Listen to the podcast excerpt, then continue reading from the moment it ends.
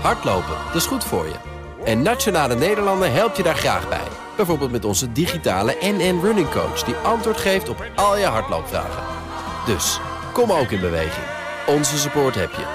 Kijk op nn.nl slash hardlopen. De BNR Nationale Autoshow wordt mede mogelijk gemaakt door Lexus. Nu ook 100% elektrisch. BNR Nieuwsradio. De Nationale Autoshow. Meindert en Nout. Ja, de zoektocht naar de ideale youngtimer voor mijzelf krijgt een uh, vervolg. En wel met een oude liefde van mij, toch een beetje saap. Je hoort er uh, straks veel meer over. Ja, je bent zo, als een kind zo blij, hè? Ja, er staat hier iets buiten. Dan ga ik wel een beetje verwatertanden, eerlijk gezegd. Maar goed. Nou, straks meer daarover. Ik hou mijn opties open, hè. Er zijn ja, ook nog andere merken die interessant zijn. Absoluut. absoluut. Alle opties blijven open. En uh, we spreken straks Jan Lammers in de Road to Zandvoort. de werkzaamheden aan de baan zijn nagenoeg klaar. Jan heeft zelfs al een rondje op het circuit mogen rijden. Ja, en werd er heel vrolijk van. Ja, ja. leuk hè? Ja, maar eerst, uh, Nout, iets serieus. De autosalon van Genève, de autobeurs, gaat niet door vanwege het coronavirus. Dat heeft de organisatie bekendgemaakt tijdens een persconferentie. Well, I just wanted to confirm that based on the decision rendered by the Swiss authority, we had to cancel the Geneva Motor Show. It's not our responsibility. It was up to the federal decision to came to that conclusion. We were expecting that decision. That's why the last two days was a bit difficult because we were waiting for the decision and nothing was coming. Wij waren er al uh, druk over aan het appen gisteren, ja. maar vandaag uh, ging dan de kogel door de kerk, uh, Nout. Duurde wel lang, hè? En je, je, merkt ook aan wat deze meneer zegt. Ze, ze wijzen ook echt naar de autoriteiten. We hebben gewacht totdat de autoriteiten zeiden kan echt niet doorgaan.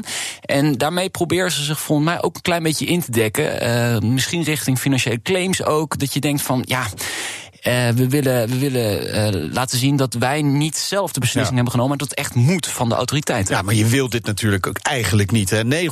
900.000 bezoekers die daar normaal gesproken naartoe komen, is een flinke streep uh, door de rekening. Ja, dat kun je wel zeggen. Um, in die persconferentie komt dat ook aan de orde. Genève loopt een omzet van 200 tot 250 miljoen Zwitserse frank of euro mis. Dat weet ik niet helemaal zeker, maar dat is toch wel echt een flinke schadepost. En de organisatie spreekt zelf over een paar miljoen euro of Zwitserse frank aan, uh, ja, aan schade. Ja. En dan eigenlijk alle uh, automerken die daar naartoe zouden gaan. Ja, want, want zo'n stand die je daar opbouwt. Precies. Dat gaat ook om honderdduizenden euro's. Ja, en, en wij als journalisten, ja. hè, wij zouden Hotels, daar gaan slapen. Ja, ja precies. Vluchten. vluchten die geannuleerd zijn. Auto's is... die er naartoe gebracht hadden moeten worden, die er naartoe gebracht zijn natuurlijk, die staan er al.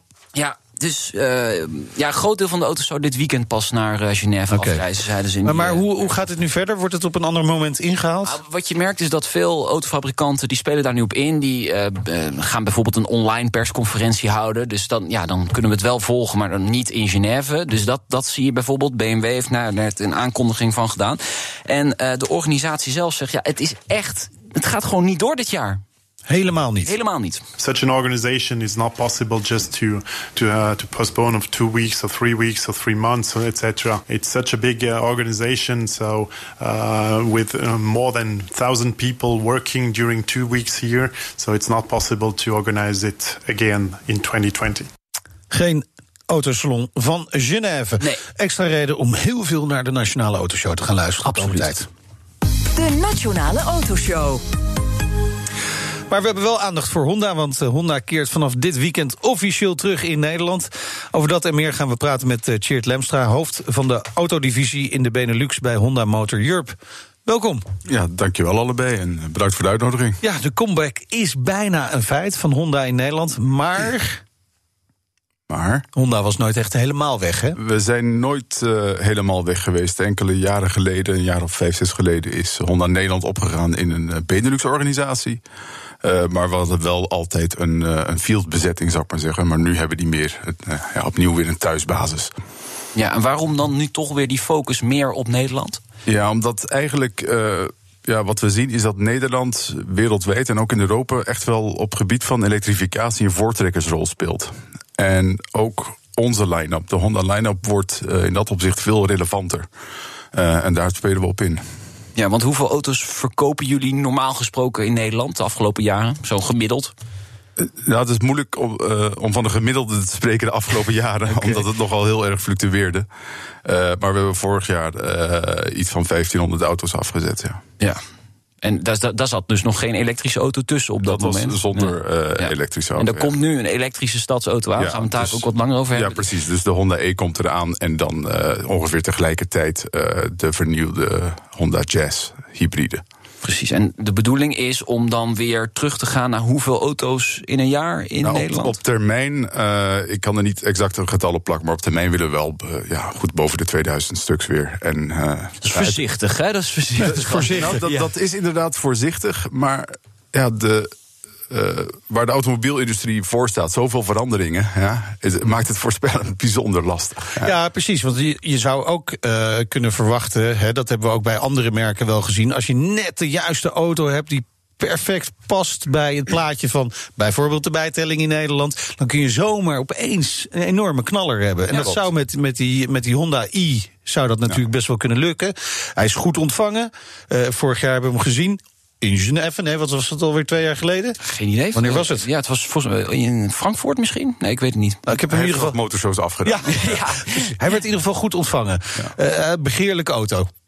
Eh, dus dat zou, zou best wel Van is de Honda meer dan verwachten 2000 we- kunnen zijn. verwachten we erg veel, ja. ja. Zowel ja, de, de markt is er, in Nederland specifiek. En ook het is een absoluut geweldige auto. Ja. Nou, dat gaan we binnenkort een keer testen. Ja. Maar Honda in Europa, dat is een lastige. Ja. Hoe kan dat nou? Hoe kan dat nou dat Honda... Hè, want wereldwijd verkopen jullie eh 5 miljoen auto's... en Ja. Europa is gewoon lastig. Ja, eh, eerlijkheid gebied te zeggen, ik denk dat Europa een beetje eh, afgelopen decennium een beetje genegeerd is door Honda. En ik denk dat je dat bij veel wereldbedrijven ziet. Want Honda is natuurlijk een absolute wereldtopper. Zoals Ja. je al zegt, het is 5 miljoen auto's. We zijn het vierde merk ter wereld. Ja. En ja, niet elk bedrijf is overal altijd eh, succesvol. En eh, ja, helaas voor ons was dat eh, met Honda in Europa Ja, het geval. maar, maar in hoeverre is dan Europa genegeerd? Waar, waar blijkt dat aan uit? Nou, ik denk dat, je, dat, je, dat er bepaalde beslissingen zijn genomen in het verleden, productbeslissingen. Ja, die, dus dat- die dat- misschien wel ja, van een, vanuit een corporate niveau gerechtvaardigd waren. Maar die natuurlijk ja, een uitwerking op de markt hadden. Die, eh, ja, je ziet waar we staan op het moment. We zijn Ja. echt een klein merk. Ja, maar, maar gaat het dan bijvoorbeeld om. eh, wat waar ik het gelijk aan moest denken was het design. Ik vind Ja. Honda niet heel erg Europees. Ja. Is dat een van de belangrijkste oorzaken? Ja, kijk, auto's, we proberen auto's te ontwikkelen voor de wereld. Ja. eh, en, ja, en dat zie je soms ook. ja. Maar waar Eh, en, zit hem dat en dan dat in? lukt bij Ja. het ene model wat beter dan Ja. het andere. Maar als ik zie, eh, ja, neem de Honda i. Maar als, eh, als eerste stap, als je ziet waar het naartoe gaat, dan, eh, ja, dan zijn we echt heel, heel hoopvol voor de toekomst. Nou, bijvoorbeeld over die Honda i, die wordt dan ook alleen maar geleverd hier in Europa. Wa- waarom is dat? Eh, de Honda i is vooral voor Europa ontwikkeld omdat eh, de gemiddelde CO2-uitstoot voor Europa erg belangrijk is. En zoals je weet, elektrische auto's helpen daar enorm bij. Eh, elke, elk merk moet 95 gram CO2 uitstoten. Nou, een elektrische auto heeft ongeveer 0 gram. Ja. En die telt ook dubbel in, je, in de berekening Ja, van ongeveer 0 gemiddelde. gram als je in ieder geval groene eh, elektriciteit erin pompt natuurlijk. Hè, want anders zit de CO2-uitstoot ergens anders. Dan moeten we, Daar die disclaimer moeten we er wel even bij zetten. Maar goed, dat is de regelgeving. Ja, nee, precies, precies. Ehm, en, en is die Honda i dan ook eh, echt speciaal voor de Europese markt ontwikkeld? Want eh, nou, mis- misschien moeten we hem even omschrijven ook. Ja. Z- Zou, zou je hem zelf kunnen omschrijven? Ja, natuurlijk. Dit is een eh, unieke auto in die zin dat die volledig als elektrische auto is ontwikkeld. Dus het is geen afgeleide, het is geen derivaat. En dat houdt in dat op het gebied van packaging dat het optimale eruit is gehaald.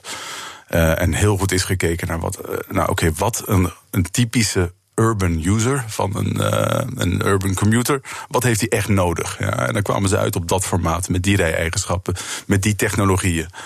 En het, ja, ik denk het meest, wat er het meeste uitspringt, want design is uiteindelijk ja, heel.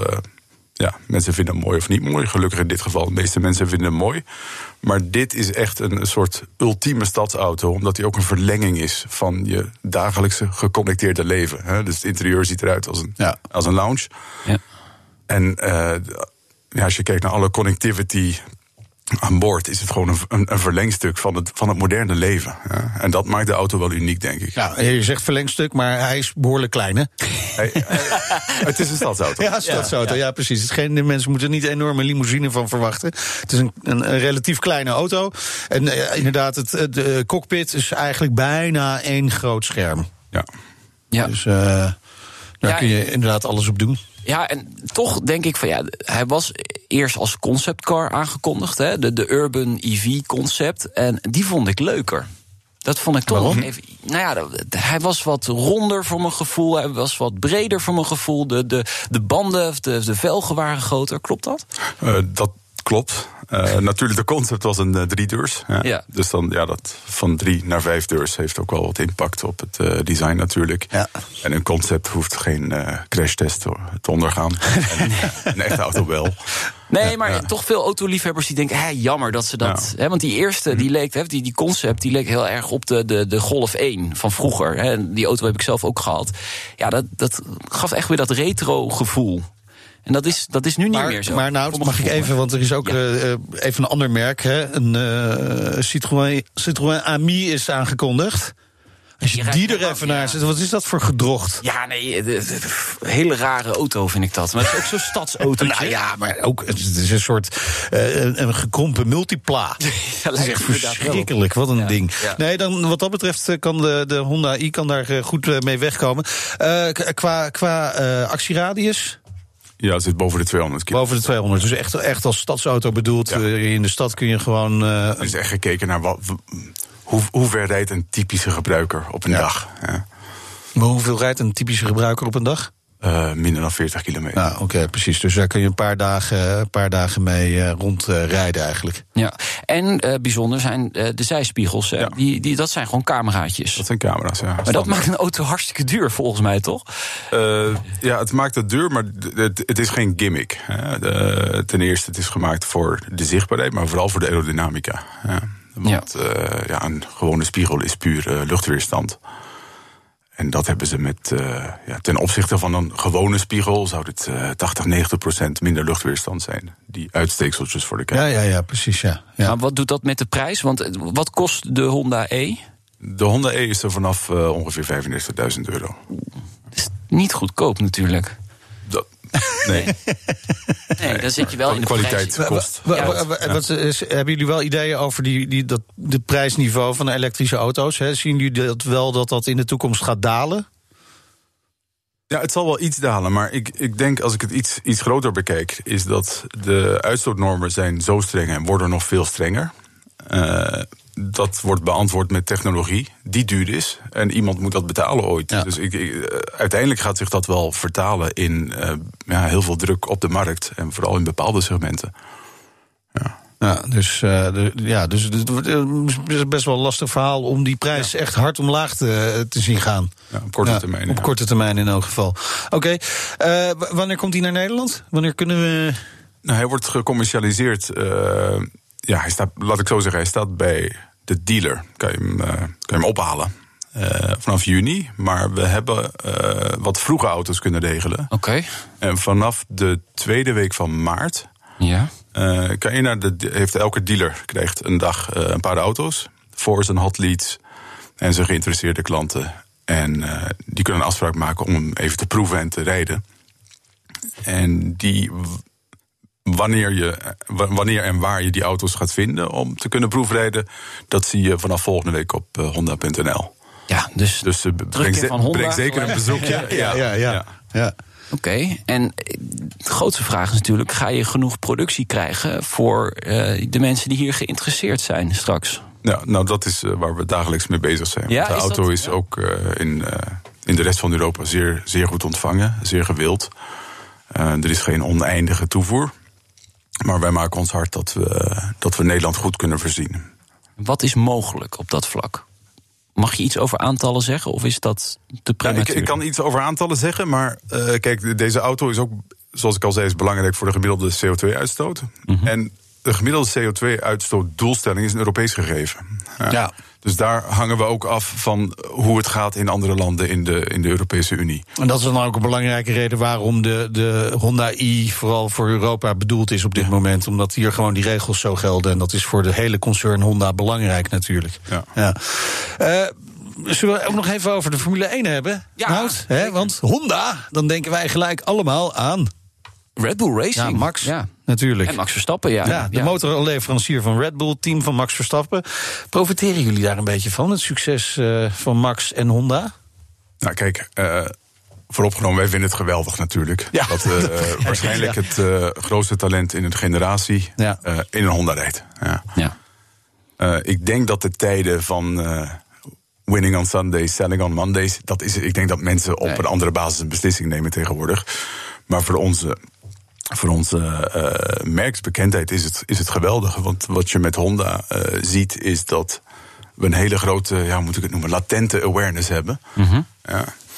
Maar dat we niet top of mind zijn bij veel mensen. Hè? Dus als je tien mensen vraagt, noem vijf automerken, zitten we daar vaak niet bij. Nee. Als je tien mensen vraagt, ken je Honda? Zegt iedereen, ah ja. Ja, ja precies, ja. En waar we nu van gaan profiteren is, eh, is dat er eh, 20, 22 eh, weekenden per jaar, een paar miljoen Nederlanders, nou, een Honda zien winnen hopelijk. Ja. Ja, ja, laat het hopen. Ja, ja of hij, eh, hij klapt, die motor. En dan, dan is dat weer natuurlijk niet zo lekker voor, voor jullie. Ik denk weer te negatief, ja, dat weet ik. Maar dat, dat, dat speelt natuurlijk ook mee. Het is ook voor het imago slecht als die, als die motor bijvoorbeeld een keer Ja, ploft. maar ook dat, dat, is, dat is een deel van racen natuurlijk. Ja. Racen zit, in, zit echt in Honda's DNA. Dat is geen marketingpraatje, maar dat, Ja. bedoel, als je eh, de verhalen leest over Soichiro Honda, onze stichter, het zit echt in het DNA van Honda. Ja, en, ja, en winnen, winnen en verliezen zit daar beide in. Ja.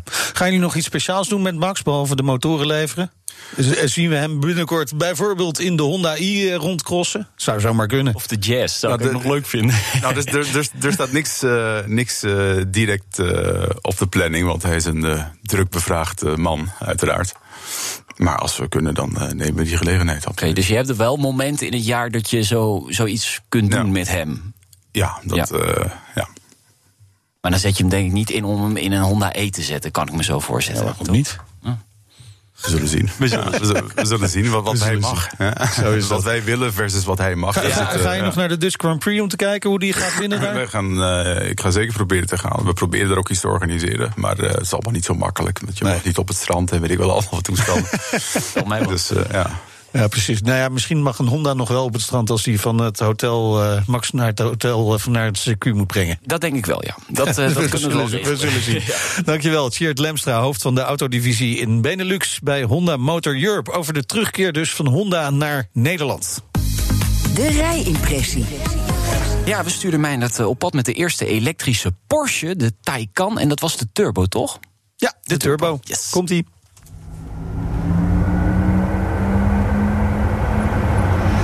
Het is geen UVO die we vandaag testen. Nee, dit is de Porsche Taycan. Maar hij klinkt wel een beetje als UVO. Dit is de Electric Sport Sound.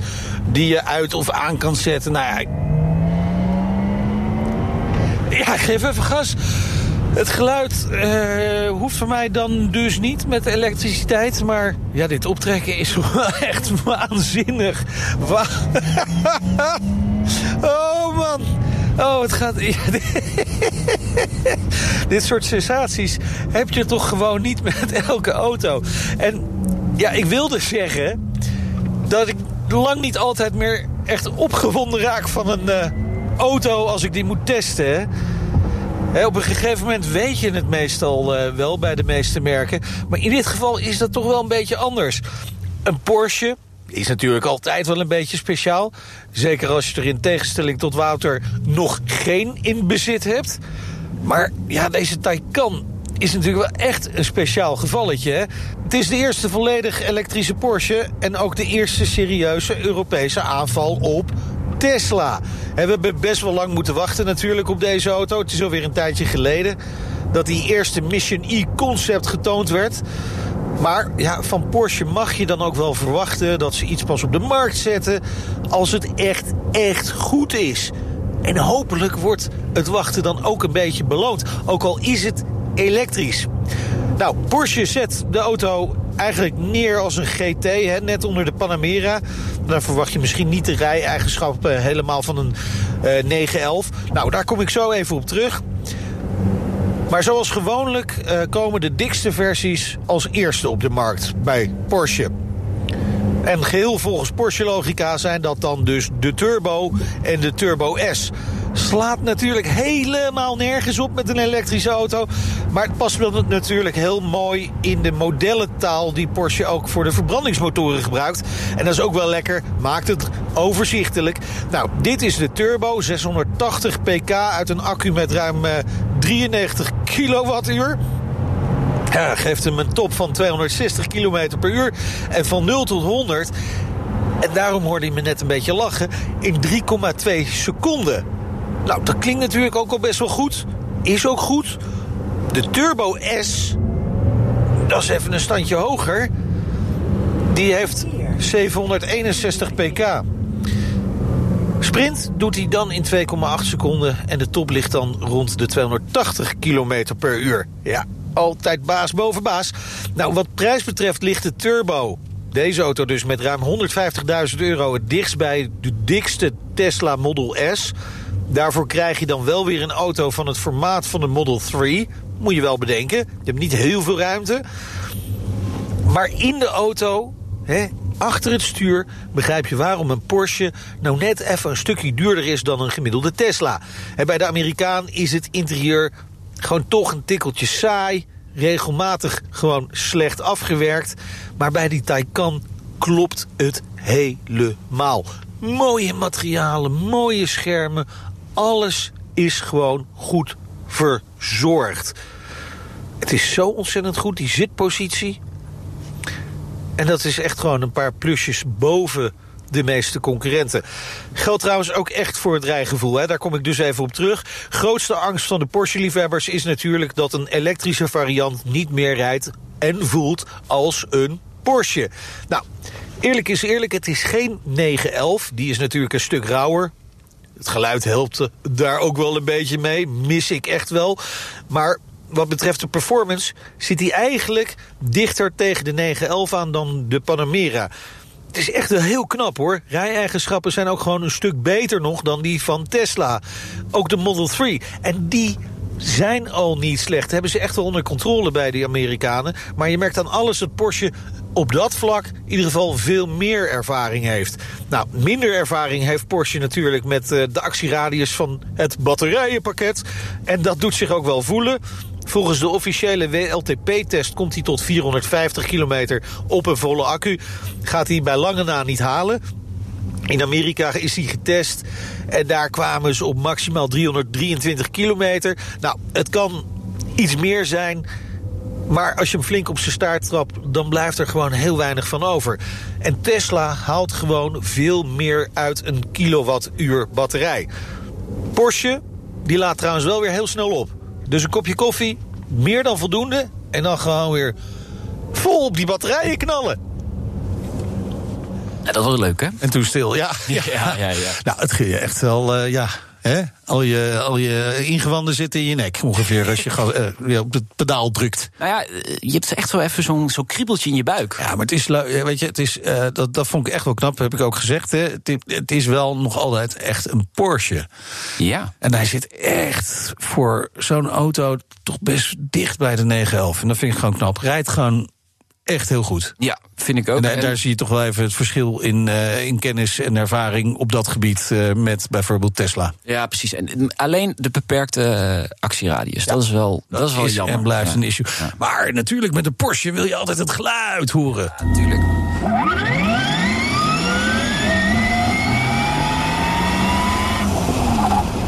Dit is het eindstation van lijn 51. U kunt overstappen op de treinen naar ja, enzovoort, enzovoort, daar enzovoort. Daar dan anderhalve ton voor. Maar goed, zometeen. Nou, het vervolg van de zoektocht naar de ideale jongtamer. En het, is, het heeft iets met saap te maken. Oh, iets. iets. Heel veel. Tot zo. BNR Nieuwsradio. De Nationale Autoshow. Meindert en Nout. Ja, straks hoor je een stuk van The Road to Zandvoort, de podcast waarin eh, we de terugkeer van de Formule 1 naar Nederland volgen. Ja, leuk is dat we uh, Jan Lammers spreken, de sportief directeur van de Dutch Grand Prix. Precies een half jaar geleden spraken we hem op uh, circuit Zandvoort. Dat was nog uh, bij de, de Historic Grand Prix met een prachtig geluid, omgevingsgeluid. Deze keer zaten we gewoon in een zaaltje hierboven. Ja, maar hij kwam echt net uit het vliegtuig ja. uit Amerika. Gelijk hup door naar BNR om hier in een zaaltje een podcast op te nemen. Dus Held. hij nam geen blad voor de mond. Hij wist niet waar hij was. Nee. We hebben wel een leuke podcast opgenomen. Ja, zeker, zeker. Uh, ga dat zeker luisteren straks. Um, ruim een maand geleden zijn we met de Autoshow een uh, zoektocht gestart, Nout, naar de ideale youngtimer. Voor jou? Ja, voor ja. mij. Ik, uh, ik, ik ben, ik ben één pitter. ZZP'er, dus voor mij is dat hartstikke interessant. En vandaag zetten we de volgende stap en dat doen we samen met Dirk Koppen. Hij is eigenaar van Saab Partners en Saab Youngtimer Lease in Meppel. Welkom, leuk dat je er bent. Dank jullie wel. En je hebt ook twee vrienden meegenomen, die staan buiten. ja. Een zilver en een blauwe, dat klopt. Ja, ja Saab 95 Aero. Echte Aero's. Wauw. Full optional. Full optional. Dus ook met ventilerende stoelen. Met ventilerende stoelen. Ja, dat is belangrijk. Ja. De vorige eigenaar heeft eigenlijk alle opties uh, aangekruist in de prijslijst. Mooie mensen zijn dat. Dat zijn goede mensen, van. inderdaad. Ja, ja, ja. Ik, kreeg, ik kreeg daar een beetje kippenvel van, uh, Meijnerd. Jij bent natuurlijk saapliefhebber. Ja, ik, ja, ik ben saapliefhebber. En dat, dat verhaal gaat ver terug. Hè. Mijn, uh, mijn oom, die was uit Zutphen, die was chirurg en die reed Saab 900. Schitterende auto. Uh, en ik was altijd een beetje jaloers, want hij ging altijd veel harder dan wij. En daar is een beetje mijn voorliefde voor. Dus ik, ik reed graag met mijn oom mee. Ik heb een beetje mijn voorliefde voor Saab geboren. En toen ik er uiteindelijk uh, mijn rijbewijs had, en toen heb ik er ook eentje gekocht. Dat was uh, een Saab 900, maar dan het 93 model. Niet het allerbeste, kan nee, ik je nee, vertellen. Nee, nee, nee. nee, dat klopt. ook echt met die specifieke roestplek Ja, hè, bij, bij de deur. maar, maar toch had hij wel heel veel echte Saab-kenmerken. En die liefde is nooit helemaal weggegaan. Dus, uh, en nu uh, als youngtimer, dan kies je toch, als je een youngtimer kiest, dan moet je niet voor iets zomaar iets kiezen, dan moet je voor iets moois kiezen, vind ik. Nee, vind ik ook, ja. Met Dus, je hart, met ja, passie. met je hart. En hier voor de deur staan dus twee 9.5 uh, Aero's. Ja, klopt. Welk bouwjaar? En... De ene is van 2001 en de andere is van 2003. Oké. Okay. Eén is het laatste jaar uh, van de oude neus, zal ik maar zeggen. Mm -hmm. Het uh, zonder de xenon. En daarna kwamen de xenon koplampen. Oh ja. En uh, de geventileerde zware stoelen. Beide zijn geventileerd, maar ja. de andere heeft dat. De, de zware stoelen waar Saab ook menige prijs mee gewonnen heeft. Economisch comfort. Ja, ja. Dus het is wikken en wegen. Welke is nou de beste van de twee? Uh, ja, uh, automaat 5 en automaat 4, dat is ook nog wel een belangrijke ja. uh, mm -hmm. afweging. Dus, er een klein prijsverschil in ook, ja, hè? klopt. wij vragen voor de blauwe vragen wij, nou ja, afgerond 11.000 euro. Mm -hmm. En voor de zilvergrijze vragen wij 14.000 euro. En dat heeft te maken met die, eigenlijk die drie belangrijke voorzieningen, om het zo maar te zeggen. Ja, ja, ja. ja, ja. Oké. Okay. En wat hebben ze gelopen? De blauwe, de, de eigenlijk de goedkoopste, die heeft 121.000 kilometer gelopen. En de zilvergrijze heeft 137.000 kilometer gelopen. Die blijden ook van de eerste eigenaar. Oké. Okay.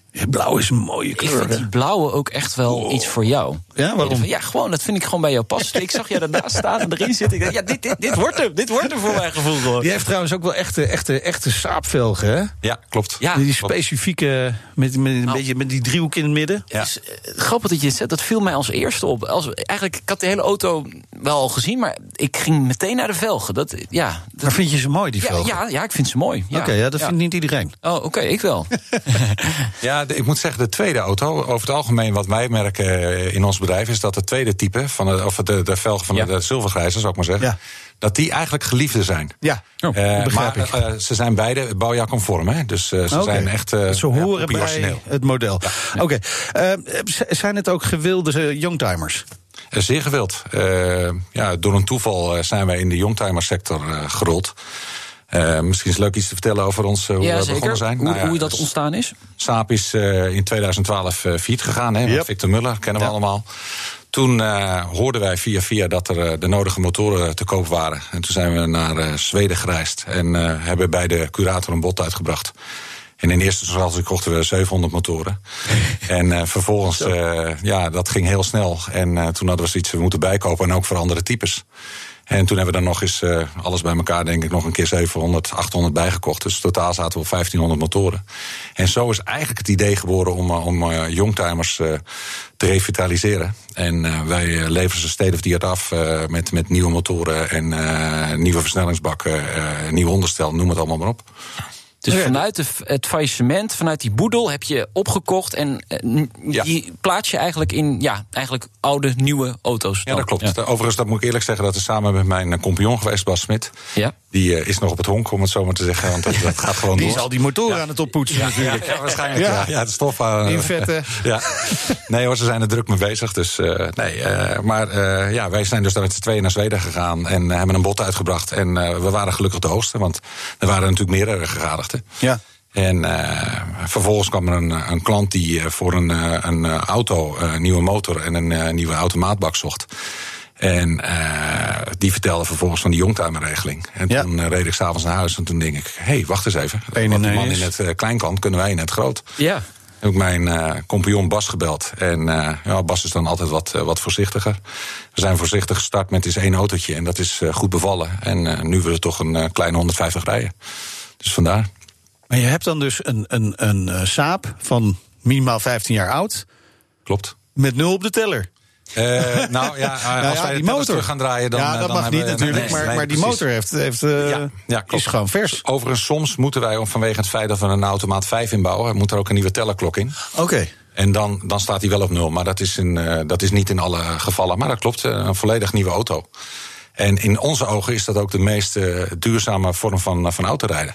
Want? Eh, nou, eh, als je nagaat, dat hebben geleerden aangetoond... dat je 13 jaar in je oude eh, auto kan blijven rijden. En dan stoot je net zoveel CO2 uit als eh, dat een eh, nieuwe geproduceerd wordt... hier naartoe vervoerd wordt en vervolgens weer gereden wordt. Ah ja.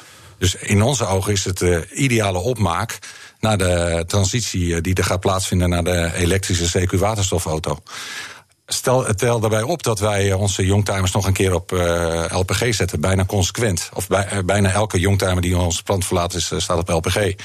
LPG verkleint die uitstoot nog Ja. een keer met 25% Dan ga je al richting de 18 jaar. Nou, dat moet ik nog maar zien Ja. Welke auto dat gaat halen. Ja, Hoewel LPG natuurlijk wel steeds lastiger wordt. Ja, maar weet je, anders wordt het afgefakkeld en gaat het ook de atmosfeer. Ja, dat is waar. eh, Ja, ja, ja, nuchter, ja. maar ja. is wel een feit. Nee, dat is zo. Stel, stel Meijnerd wil die 9.5 Aero gaan rijden. Wat, wat is die dan kwijt? Als ik hem ga leasen, ja, als bedoel je gaat leasen dan. Ja. Eh, nou ja, eh, wij zeggen altijd: voor ieder budget maken wij een, maken wij een auto. Dus eh, laten we zeggen, de, vanaf leaseprijs, in, dat is full operational Ja. lease. Hè, dus daar zit onderhoud in, daar zit wegenbelasting in.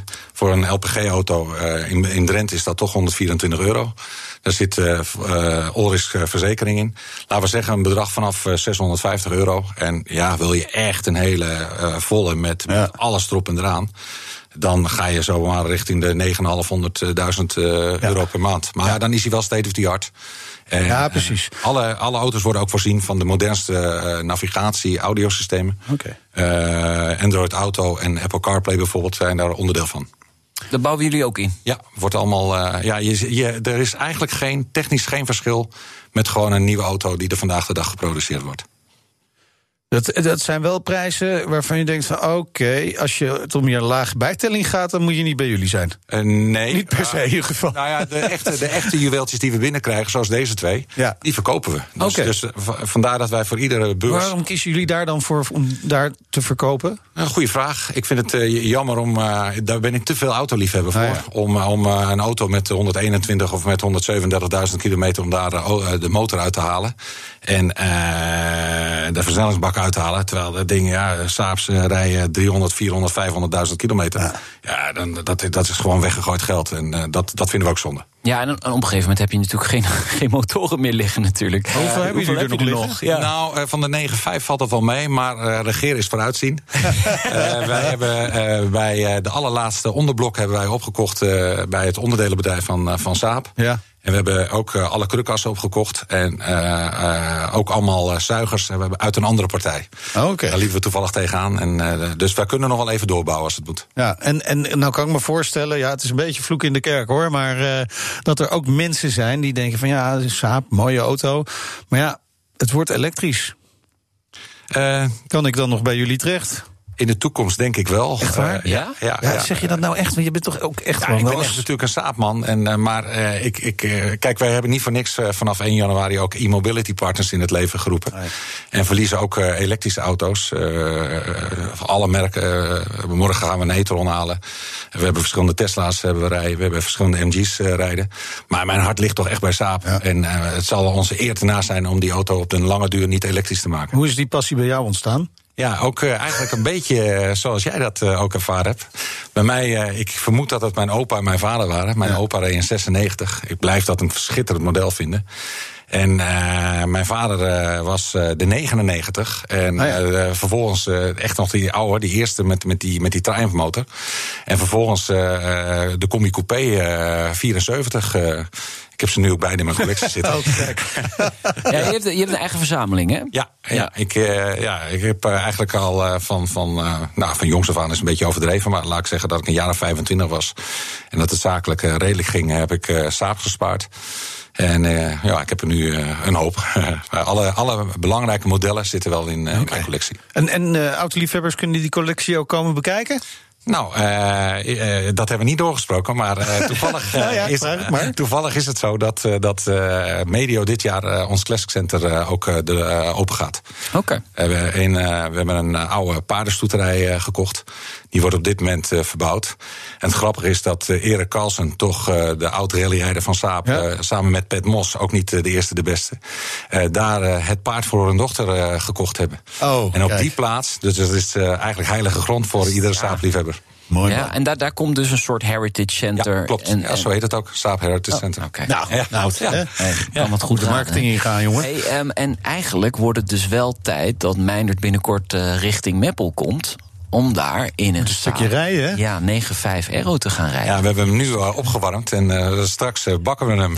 Ja, ja, ja. Hij, hij zit nog even wel na te denken over die prijs. Volgens mij, dat is nog wel even een dingetje. Nou, kijk, ik, ik, ik- wij houden het heel kort, maar ik denk dat ik hem zou willen kopen omdat ik te veel ook liefhebber wil, ben en, en zou willen sleutelen, kunnen sleutelen eraan. Nou, ik weet ook niet hoeveel je rijdt natuurlijk per jaar. Hè. Kijk, eh, onze klanten zijn over het algemeen wel veel rijders. Dus ik, dan praat Ja, ik maar ik over... rij altijd in modellen van andere merken, dus ik hoef er niet zoveel mee te rijden. Nou, kijk, da- dan adviseer ik je ook om hem te kopen. En dat bedoel ik, wij vinden maatwerk, eh ieder, eh, dan daar eh, nemen we uitgebreid eh, eh, tijd voor een intake. Want eh, eh, ja, dat is, ieder, ieder eh, advies is op maat gemaakt. Dit, eh, deze uitzending is ook op maat gemaakt. Nou, we moeten afronden. Ja, en we gaan binnenkort rijden. Dat is de volgende stap in deze zoektocht naar de ideale youngtimer. Dankjewel, Dirk Koppen, eigenaar van Saab Partners en Saab Jongertimer Lease.nl en dus ook het Saab Heritage Center in Meppel.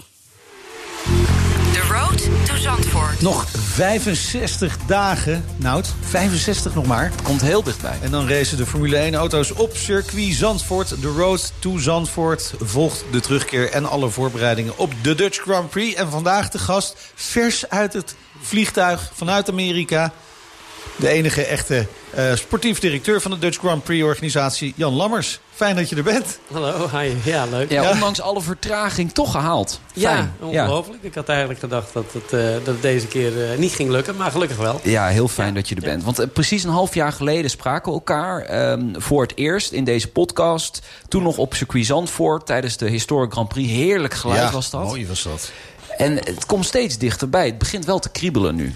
Ja, waanzinnig. Het is eh, echt, je bent je heel bewust van deze periode die er nu is. Althans, eh, daar ben ik me heel bewust van. Omdat eh, we hebben eerst zo'n periode van, van, van jongen, wat zou het gaaf zijn als... Ja. Ja. En, eh, en nu is dat als is weg. En, en het is gewoon van, jongen, wat is dat gaaf. En, eh, en wat extra bijkomstig is... eh, is dat er gewoon op de maandag na de Grand Prix... ligt er gewoon eh, een volledig eh topcircuit. Helemaal gerenoveerd.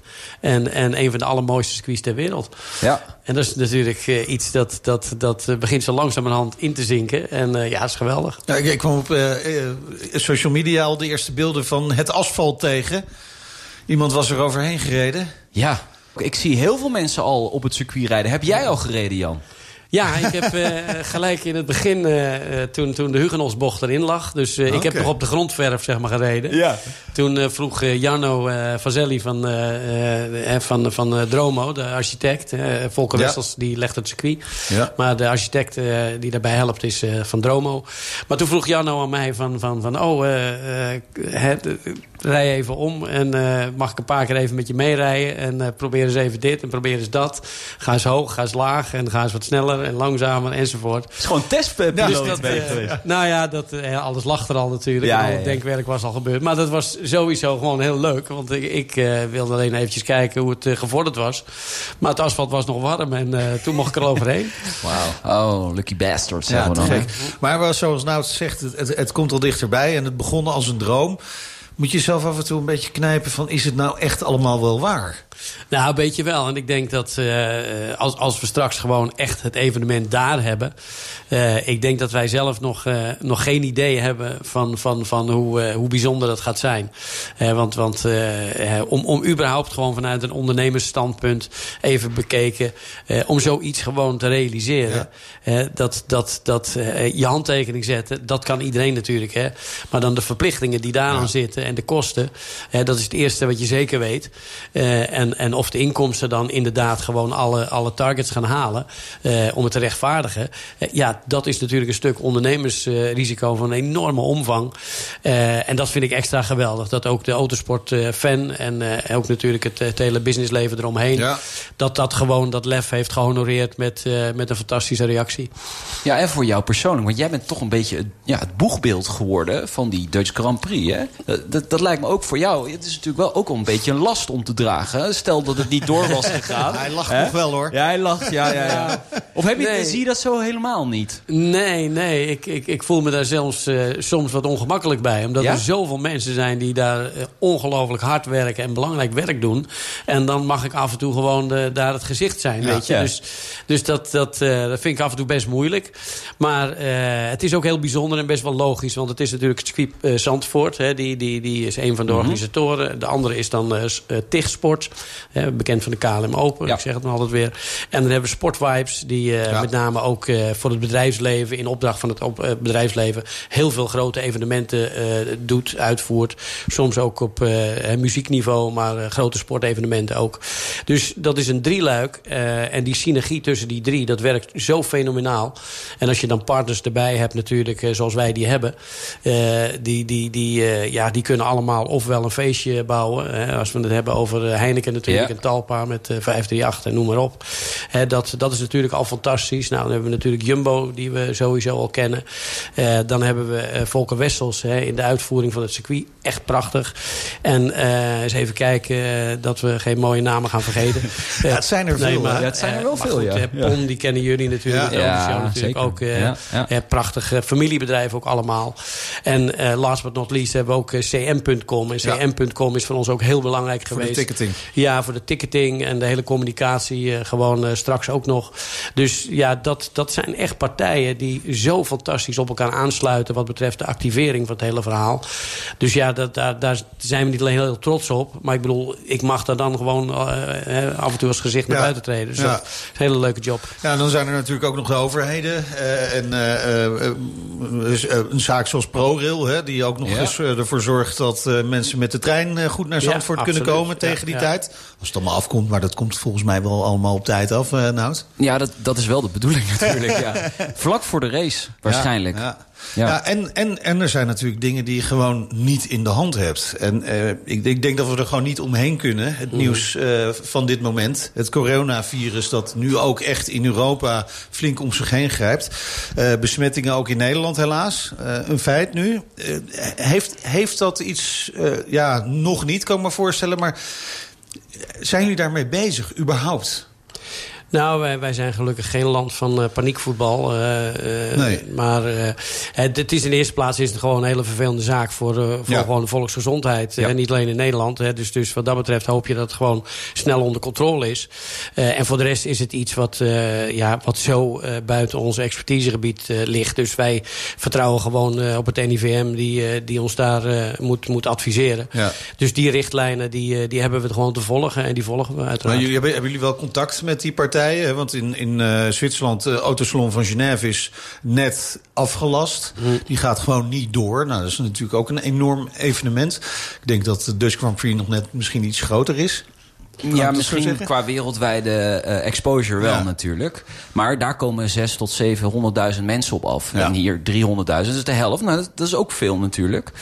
Ja, en, en dat, dat is ook nog een eh, gesloten ruimte. En Ja, is natuurlijk een openlucht-evenement. Eh, dat zijn natuurlijk ook wel de verschillen. Maar ja, nogmaals, eh, je kunt allerlei scenario's gaan bedenken of wat dan ook. Natuurlijk is er, is er goed overleg tussen alle, alle betrokken partijen. En dat, dat is natuurlijk eh, ja, logisch. Maar, maar voor de rest, eh, ja, eh, wij, wij wachten natuurlijk eh, gewoon met belangstelling af... eh, Ja. hoe, hoe het virus eh, eigenlijk eh, onder controle eh, gebracht wordt. En, en eh, wat dat eh, verder voor gevolgen eh, gaat hebben voor de hele maatschappij. En Ja.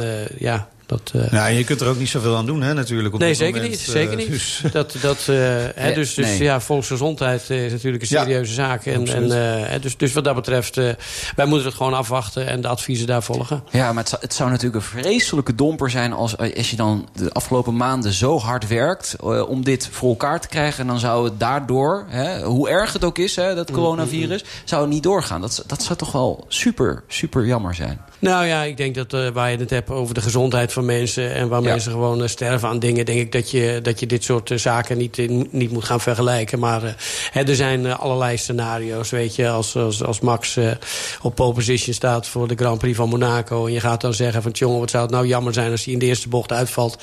Weet je, dus, dus wat dat betreft... Dan, eh, ja, we moeten, moeten dingen niet dramatiseren... en gewoon daar volwassen mee omgaan. En, en, en nogmaals, de volksgezondheid is gewoon het belangrijkste wat er is. En, en, en hier, eh, wat, wat wij willen en waar onze voorkeur naar uitgaat... dat, dat, eh, en dat mag voor zich spreken. Maar eh, nogmaals, eh, ik vind als je met dit soort eh, situaties te maken hebt... dat je daar eh, even pas op de plaats moet maken... Ja. en gewoon eh, moet afwachten wat, eh, wat er besloten wordt. Ja, en het heeft ook geen zin om je met allerlei wat als eh, scenario's mee, bezig te gaan houden. Nee, Terwijl er precies. gewoon nog heel veel werk gedaan moet worden, ongetwijfeld, eh, richting die Dutch Grand Prix. eh, hoewel alles.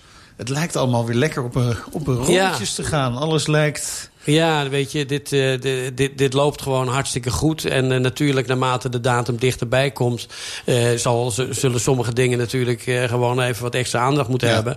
Dus, dus we zullen echt nog wel een eindsprintje nodig hebben met een heleboel dingen. Maar, maar zijn het soort draaiboeken die je gewoon aan het afvinken bent met, met Ja. de hele organisatie? Absoluut, absoluut. En, en eh, de professionele manier waarop het gaat... Ja. Hè, dat, dat, eh, dat verbaast niet alleen eh, gewoon de, de omgeving... en de mensen die voor het eerst komen kijken. Jullie zijn ook geweest. Ja. En, en, en ja, ik, ik ben er ook van onder de indruk. Ik zit er middenin.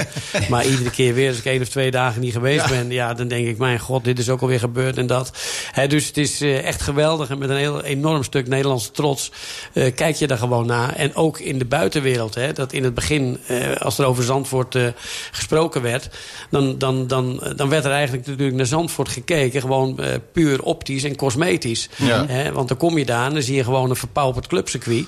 En dan denk je van, nou, het mag wel een likje verf hebben. Jij zegt het, hè? Jij Nee, zegt nee, het. nee, het niet gezegd. Nou, bewust. Nee, maar dat, dat was ook de situatie. Ja. Hè? Maar, maar waarom is dat zo? Eh, dat is omdat er gewoon, hè, zeker onder het beleid van Hans Ernst... hè, helaas uh, voormalig uh, circuit-eigenaar... Ja. helaas vorig jaar overleden. Maar Hans Ernst heeft echt het circuit wel uit het financiële slop getrokken.